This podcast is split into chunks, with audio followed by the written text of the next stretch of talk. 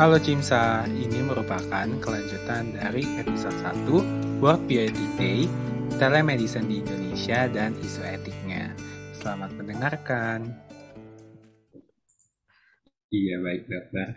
Jadi uh, untuk uh, tadi untuk respon dari masyarakatnya itu awalnya itu karena uh, masyarakat terbantu sebelumnya karena di rumah sakit itu uh, terjadi kepenuhan uh, bed, terus juga polinya juga rata-rata juga tutup ya dok ya.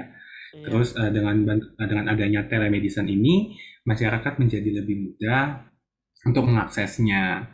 Tapi ada uh, satu sisi juga tadi uh, dari mahasiswa kedokteran yang masih masih, masih salah menggunakan. Jadi untuk berkonsultasi kasih uh, tugas-tugas, mungkin ada untuk ujian blognya, nanti ditanya-tanyakan di situ, Wah, ya ini ini merupakan salah satu tindakan yang salah, teman-teman. Jadi teman-teman podcast, terutama mahasiswa kedokteran, mungkin jangan dicontoh ya. ya, ya. Benar tuh, Kak. Paling banyak tuh sebenarnya ini loh, uh, mahasiswa kedokteran yang koas loh, yang di klinik, ya, nanyain pasien. Hmm. iya. Mungkin karena udah ter, uh, ini ya dok ya, maksudnya uh, mau bertanya mengenai spesifik kasusnya yeah. atau ini seperti apa begitu yeah. ya. Ya, oke dok. Uh, mungkin di sini kita akan melanjutkan ke uh, pertanyaan selanjutnya. Uh, mungkin dari dokter Nida di sini mengetahui dok uh, perbandingan penerapan telemedis yang ada di Indonesia dan juga yang ada di luar negeri itu seperti apa ya dok? Uh, apakah sistemnya itu sama atau malah itu berbeda begitu dok? Baik, uh, saya mengenal pertama kali itu sebenarnya 2015 di US waktu saya dapat apa namanya award sekitar dua mingguan ke sana. Jadi bedanya adalah sebenarnya kalau kita itu lebih banyak platform ya. Ada rumah sakit tapi rumah sakit layanan terbatas kayak kayak sekarang pakai Zoom ya kan. Ya, tapi kalau misalnya di luar negeri itu mereka pakai HP ya pakai HP kayak gini ya semua data pasiennya ada di sini ya. Jadi misalnya Finaldi dok di sebuah rumah sakit tiba-tiba di rumah pasiennya mengeluh nyeri dada.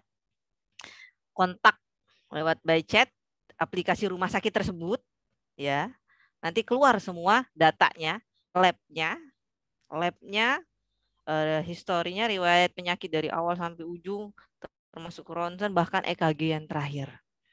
Artinya apa? Dokter mengenal dan tahu persis pasiennya. Kemungkinan misdiagnosisnya lebih kecil yang nanti berujung pada patient safety-nya. Nah, yang terjadi di Indonesia, kita sistem IT-nya belum sebaik mereka. Oke. Kalau kita melakukan chat pakai platform, kita minta, Pak, ada ronsennya, ada ataunya, dan kita tidak pernah tahu pasiennya ini bohong nggak dengan data yang dikasih. Ya, contoh tuh adalah misalnya uh, uh, pasien tuh susah sekali mengaku kalau misalnya sudah swab dan swabnya hasilnya positif. Tapi arah-arahnya misal gejala klinis ke arah yang sama. Tapi kan kita nggak bisa istilahnya mencari tahu ini pasien memberikan informasi atau tidak gitu. Jadi sistem di luar negeri itu sudah terintegrasi dalam satu eh, aplikasi swab dari rumah sakit ke kita. Kita punya dua sistem yang sistem yang di rumah sakit itu baru seperti sekarang ya. Ya, baru seperti sekarang. Nah, kalau yang uh, rumah sakit yang sudah punya sistem uh, apa namanya? Rekam medik yang bagus, kita bisa akses ya data pasien, data pasien itu lewat website rumah sakit. Jadi pakai search-nya rumah sakit. Ya. Lalu kalau dua rekomendasi WHO, telemedicine itu hanya buat pasien yang sudah pernah ke dokter. Ya. Kontrol, pasiennya kontrol udah pernah gitu. Ya karena apa? Karena dia punya data dari rumah sakit. Sebenarnya konsep Indonesia KI fatwa mainkan pasien-pasien yang kontrol. Ya, cuma sepertinya karena pandemi, kalau pasien saya itu nggak kenal, dari saat paling cuma 5% adalah pasien kontrol. Itu pasien yang baru dan ada yang punya modus perbatasan yang lainnya adalah kalau pasiennya kurang komunikatif dan ternyata dia cuma mau minta obat. Ya, misal cuma mau minta obat, dia nggak minta, nggak mau anamnesis, nggak mau melakukan anamnesis, kayak gitu. Itu bedanya. Baik dok, jadi perbedaan yang paling mencolok itu dari uh, sistem di luar negeri di karena itu lebih ya. terintegrasi dan juga uh, ada beberapa aturan yang membedakan gitu ya dok ya. ya betul. Uh, baik dokter, uh, selanjutnya mungkin kita akan memperdalam lagi dok uh, untuk membahas mengenai isu etik dalam penerapan telemedika. Uh, selama dokter menggunakan telekonsultasi dengan pasien begitu, apakah dokter ada menemukan isu etik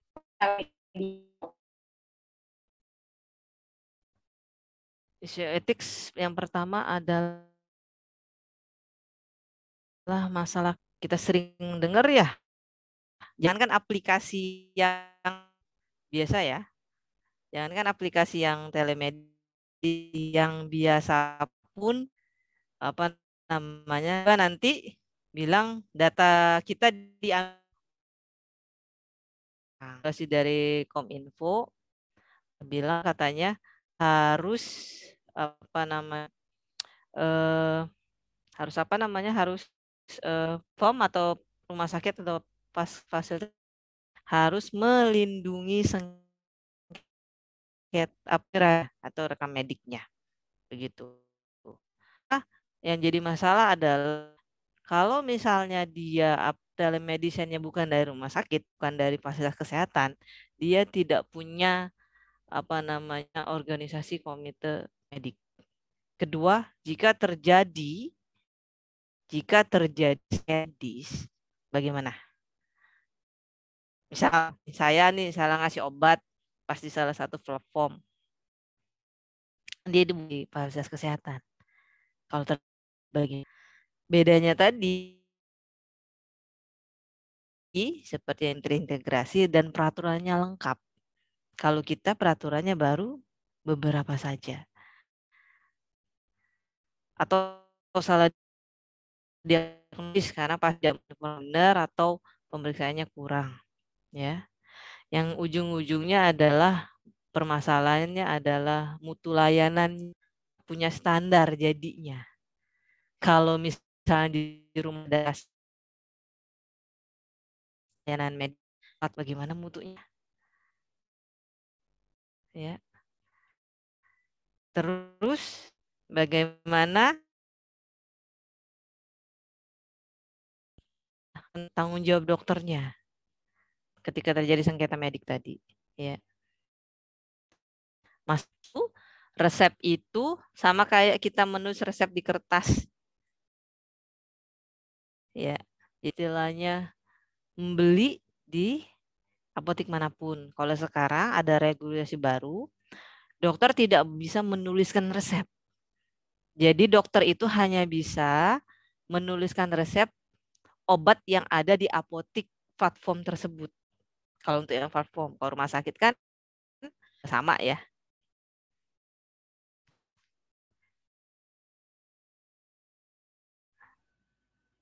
Hmm.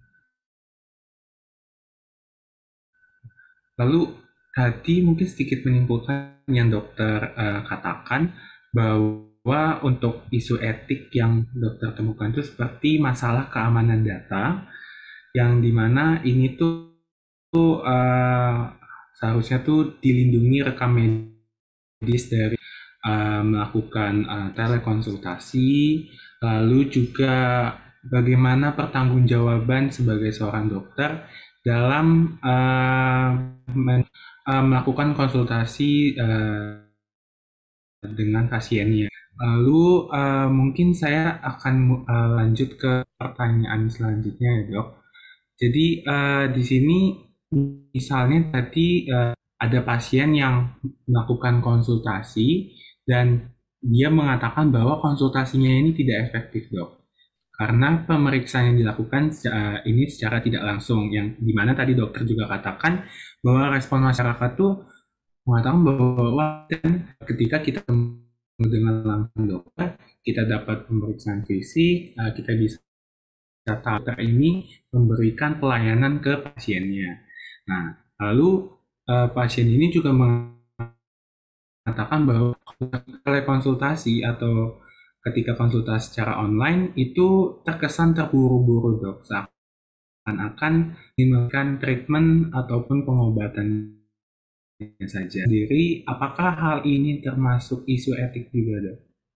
Dia ada potensi ketidakpercayaan antara pasiennya ya karena apa tadi ada keterbatasan pemeriksaan fisik dan pemeriksaan penunjang juga kita tidak punya kalau misalnya pasien tidak memberikan Nah, yang terjadi karena saya ber, jadi dokter di sana, saya tahu satu pasien dibatas waktu ya. Kalau hanya dibatas punya udah harus kelar, harus selesai, harus selesai. Apa? Dokternya terburu-buru.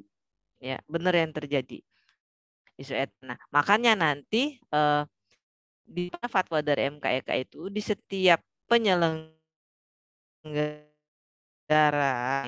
tidak jadi masalah komite etiknya. Jadi ada juga ya komite medik untuk mengurusi hal tersebut. Bagaimana sebenarnya ya memberikan uh, tata laksana atau uh, konsultasi yang, yang baik yang sesuai dengan sahnya.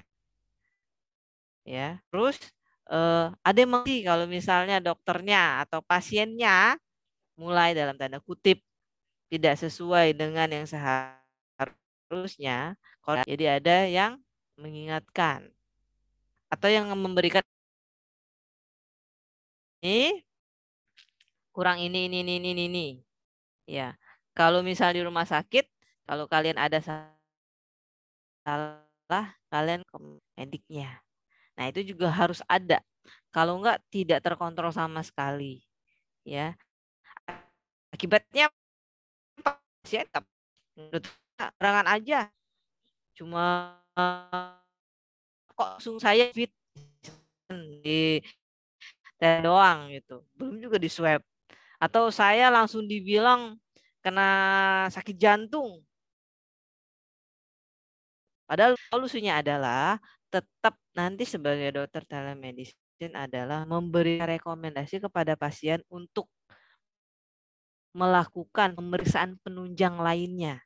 Misalnya nyeri dada, saran misalnya untuk EKG, untuk toraks foto PA, kan bisa dilihat entah nyeri dadanya karena jantung, karena ada pleuritis atau yang lainnya. Ya. Oh, Oke okay, baik. Uh, tadi dokter ada bilang tentang masalah ketidakpercayaan pasien ke dokternya. Nah, terus juga telemedicine ini juga sering disalahgunakan menggunakan mengerjakan tes. Uh, gimana cara dokter tuh menye, uh, menyikapi pasien yang memiliki uh, seperti ini kurang percaya sama dokter gitu. Uh, terus seharusnya uh, bagaimana sih seharusnya sikap yang harus dipunyai uh, dan para dokter yang bekerja di dalam telemedicine bekerja di dalam nanti adik-adik jadi dokter secara maupun online bahasanya, pertama harus sabar. Ya. Kenapa? Kalau keluar kata yang tidak berkenan dari pasien atau ramah, kalian bisa berkata-kata dan dicatat atau direkam oleh pasien dan itu bisa dilaporkan. Kalian tidak punya etika terhadap pasiennya. Pertama sabar dulu. Ya. Kedua, kalau pasiennya ngeyel, pasiennya ngeyel, kita memberikan kan kalau di di telemedicine itu kita kan tidak tahu, jadi hanya bisa memberikan kemungkinan-kemungkinan diagnosis ya. Hanya bisa memberikan kemungkinan kemungkinan misal bapak kayaknya kemungkinannya kena sakit A keduanya kasih B kemungkinan ketiganya penyakit C untuk untuk kepastian diagnosisnya, Bapak harus melakukan pemeriksaan penunjang. Kayak tadi contoh kalau nyeri dada, Saya, kalian bisa bilang tuh serangan jantung ya, atau nyeri otot atau apa. Kalian bilang, Bapak sebaiknya ke dokter terdekat atau dokter jantung misalnya. Kalau kalian cenderung menganggap ini uh, serangan jantung atau CHF, lakukan EKG misalnya eko untuk kepastian diagnosisnya. Sekali lagi Pak, misalnya pasien ini hanya bisa memberikan kemungkinan-kemungkinan diagnosis, tapi diagnosis pastinya itu Bapak harus melakukan pemeriksaan lanjutan. Tata laksana obat yang saya berikan kepada Bapak pun itu adalah obat sementara berdasarkan keluhannya Bapak mau atau sakit hilang, penyebab penyakitnya harus diketahui dulu. Kalian boleh sisipkan analogi yang paling gampang adalah pusing. Misal nih, ibu pusing. Ibu pusing terus kan. Merek-merek tertentu. Ya, isinya paracetamol misalnya kan ya diminum oleh ibu tapi terus nggak hilang-hilang ya tapi ternyata setelah dilakukan pemeriksaan eh tubuh pusingnya itu karena dispepsi ada mahnya kalau kata uh, masyarakat awam asam lambungnya naik jadi walaupun ibu pakai pereda nyeri obat anti sakit kepala Iya hilang sebentar, kayak seperti saya bilang tadi terapi sementara, tapi ntar balik lagi pusingnya. Karena penyebabnya ternyata sederhana sekali. Ternyata ibunya cuma sakit mah. Atau kalian bisa bilang analogi, ternyata penyebab pusingnya sederhana sekali. Bapak belum dari tadi. Hipoglikemi, kekurangan kayak gitu. Jadi dibikin analogi kayak gitu dan tetap ramah dan tetap sabar. Kalau pasiennya ngotot tetap, tetap ngotot ah nggak mungkin dok saya nggak mungkin sakit ini ini ini ini, ini. Nah, kalian bilang bapak boleh mem, boleh datang ke dokter yang lain untuk second opinion tapi tidak lagi lewat telemedicine karena kita cuma bisa kayak sekarang video lewat chat tulisan supaya lebih pasti diagnosisnya kayak gitu intinya sih sabar dan Oke, baik dok. Uh, jadi uh, untuk uh, sikap yang uh, seharusnya dilakukan oleh dokter itu ketika mendapatkan pasien yang kurang percaya itu bisa diberikan pemahaman ya. dulu. Yeah. Mungkin bisa uh, diberikan analogi bahwa uh, telemedicine ini hanya untuk uh, membantu uh, apa meringankan gejala mungkin yang di, yang dirasakan oleh pasiennya dan uh, sekiranya jika pasien uh, tidak apa tidak merasakan puas bisa langsung datang ke rumah sakit ya dok ya. Uh, lalu uh, mungkin di sini kita akan lanjut ke pertanyaan selanjutnya. Uh, tadi untuk uh, konsultasi ini kan tadi dokter juga mengatakan bahwa bisa terjadi informasi yang mungkin bisa jadi terjadi secara sengaja ataupun tidak disengaja. Nah, berarti kalau eh, hal ini tuh termasuk isu etik juga ya dok ya? ya. Yang tadi dokter katakan dan bagaimana sikap atau menanggapi hal ini dok? Ya, pertama kita harus mewajibkan setiap penyelenggara telemedicine harus punya sistem informasi, sistem security, sistem keamanan informasi yang baik. Ya, karena kan kita di undang-undang juga dibilangkan bahwa rekam medik itu adalah rahasia pasien bisa dibuka hanya jika diminta oleh pengadilan ya kalau itu sampai bocor ya ya itu sebenarnya bisa diberikan tuntutan hukum terhadap yang membocorkan itu karena tidak boleh bocor sama sekali makanya ada regulasi dari Kominfo agar setiap penyedia layanan telemedicine membuat sistem security IT yang bagus, lalu merekam semuanya dengan baik. Ya, setiap terjadi kelangsungan uh, telekonsultasi, kalau di Zoom ada videonya, kalau di chat ada juga berkas chatnya, ya, dan itu harus dijaga. Nah, masalahnya di kita itu tidak ada yang mengevaluasi apakah ini sudah dilakukan, rekomendasi dari pemerintah ini sudah dilakukan atau belum. Itu masalahnya. Nah, Makanya dibilang seharusnya di setiap penyelenggara telemedicine ada komite yang bertanggung jawab atas itu semua, mengontrol itu semua, menjaga kerahasiaan data pasien. Karena kalau pasien jadi tidak percaya lagi, biasanya yang pertama disalahin bukan layanan medisinnya, tapi dokternya. Kedua, dokter harus menjaga kode etiknya. Ketika pasien men-share, memberikan informasi, pemeriksaan penunjang, baik itu ronsen, lab, dan segala macam, kan difotoin tuh biasanya. Di share screen kayak, kayak, kayak kita zoom, ya itu dokter harus ingat dia punya kode etik, tidak boleh mengeluarkan ya itu di semua pemeriksaan itu termasuk rekam medik ke yang lain.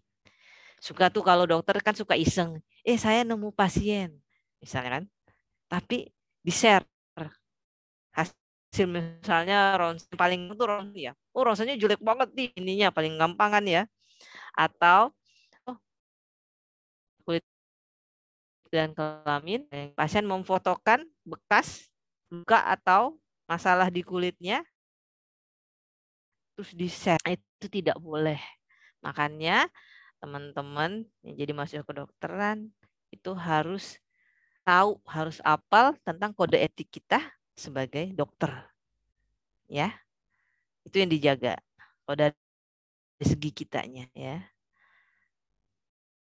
Oke, baik dokter. Jadi kalau misalkan tadi terjadi kebocoran data informasi pasien, itu sudah seharusnya kita juga sebagai nanti sebagai dokter itu harus bisa mengetahui kode etik apa saja yang sudah tercantum dan uh, tadi dokter juga mengatakan bahwa uh, di setiap platform ada tim evaluasinya. Jadi harapannya mungkin ke depannya akan ada tim evaluasi yang bisa uh, membantu uh, agar uh, terjalannya platform telemedicine ini juga dapat meningkatkan kesejahteraan dan kenyamanan masyarakat begitu.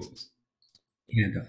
Jadi uh, mungkin kita akan lanjut lagi uh, dari Dokter Nida. Dokter Nida kan di sini sebagai pengurus uh, dari uh, MKEKID ya dok ya. Dan uh, mungkin untuk uh, permasalahan isu etik kita juga sudah membahas.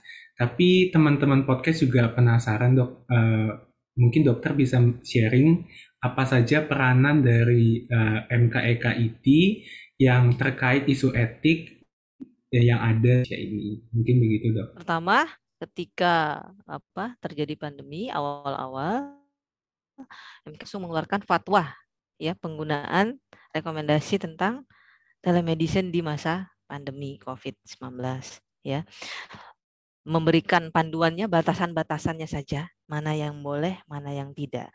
Sebenarnya MKK itu lebih merekomendasikan sama seperti WHO pada pasien-pasien yang kontrol misalnya ya. Yang sudah pernah tatap muka di rumah sakit dengan pasiennya. Terus yang direkomendasikan itu adalah sebenarnya telemedicine by rumah sakit oleh rumah sakit oleh layanan kesehatan ya. Kalaupun kalaupun misalnya ada platform ya ya ada empat hal yang harus dipunyai semua layanan medis. Pertama harus punya tata kelola organisasi dan komite etiknya. Yang saya bilang ya, wajib nih batasan-batasan siakan data pasien. Terus dokter standar melayani pasiennya seperti apa? Apa yang boleh di-share, apa yang tidak boleh di Sesi berikutnya adalah yang kedua, bagaimana cara mempertahankan mutu layanan ya. Kalau bisa ada pelatihan dokter berkala atau kalau sekarang kan tinggal di video menghadapi pasiennya itu ada pelatihannya. Jadi sama kayak kalian di klinik ya, di koas di rumah sakit ada latihan. Ada latihannya berkala ya. Terus ada edukasi tanda bahaya. Ini yang sangat penting.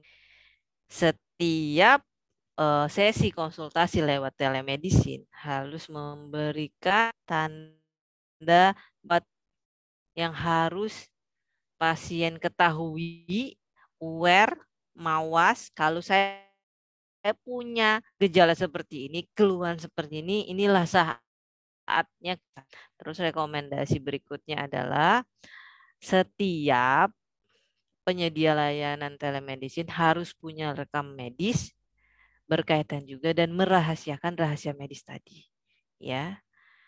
Nah, sebaiknya memang rekomendasinya berikutnya adalah semua dokter yang melakukan layanan telemedis, telemedicine harus punya SIP, STR dan SIP di sebuah fasilitas kesehatan. Ya, wajib punya SIP. Nah, kalau misalnya pas pas misalnya dokternya baru punya STR, belum pernah praktek di tempat lain. Kualitasnya nanti nggak punya standar, nanti dipertanyakan. Lalu sebaiknya tetap ada komitmen sumpah dan perjanjian tulis dalam merahasiakan medis. Seperti itu.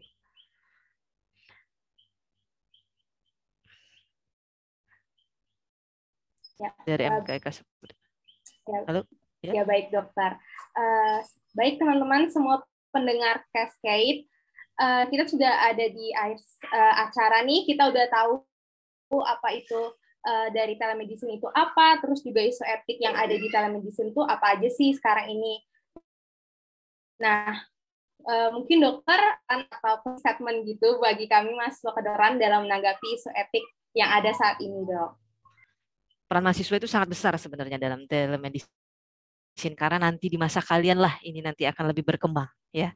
Jadi harus tahu etikanya, etika kalian dalam bertelemedicine harus tahu sumpah dokter kalian, apa pun nanti metode pelayanan kesehatan di masa depan, ingat selalu sumpah dokter kalian, kode te, kode etik dokter kalian. Karena mulai itu pertama punya fungsi edukasi masyarakat, promosi kesehatan ya terhadap masyarakat.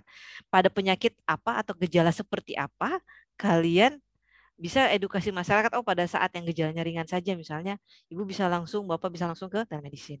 Kalau misalnya ada tanda bahaya jangan Pak. Misalkan edukasi promosi kesehatan harusnya langsung ke rumah sakit.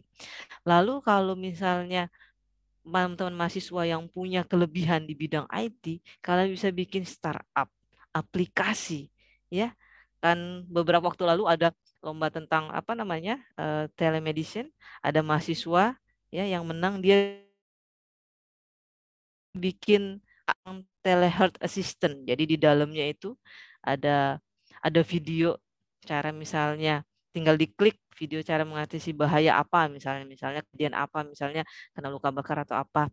Lalu di box itu juga ada dibuat apa namanya tensi pengukuran tensi darah ya bahkan ada kontak yang bisa diklik harus menghubungi siapa. Banyak startup ya. Sebenarnya terus sebenarnya yang seperti yang sekarang muncul sekarang ini kan asalnya juga dari anak-anak muda mungkin dari mas dokter ya. Yang perlu adalah ya layanan telemedicine memang punya solusi tapi ingat layanan telemedicine itu punya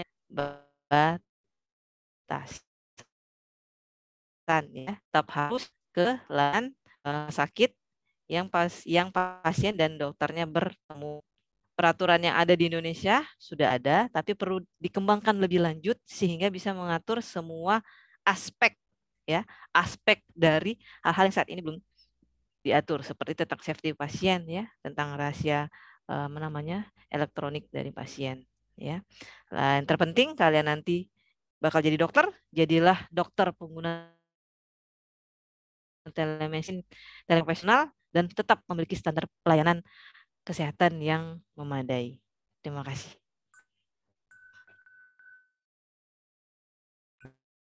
Terima kasih dokter.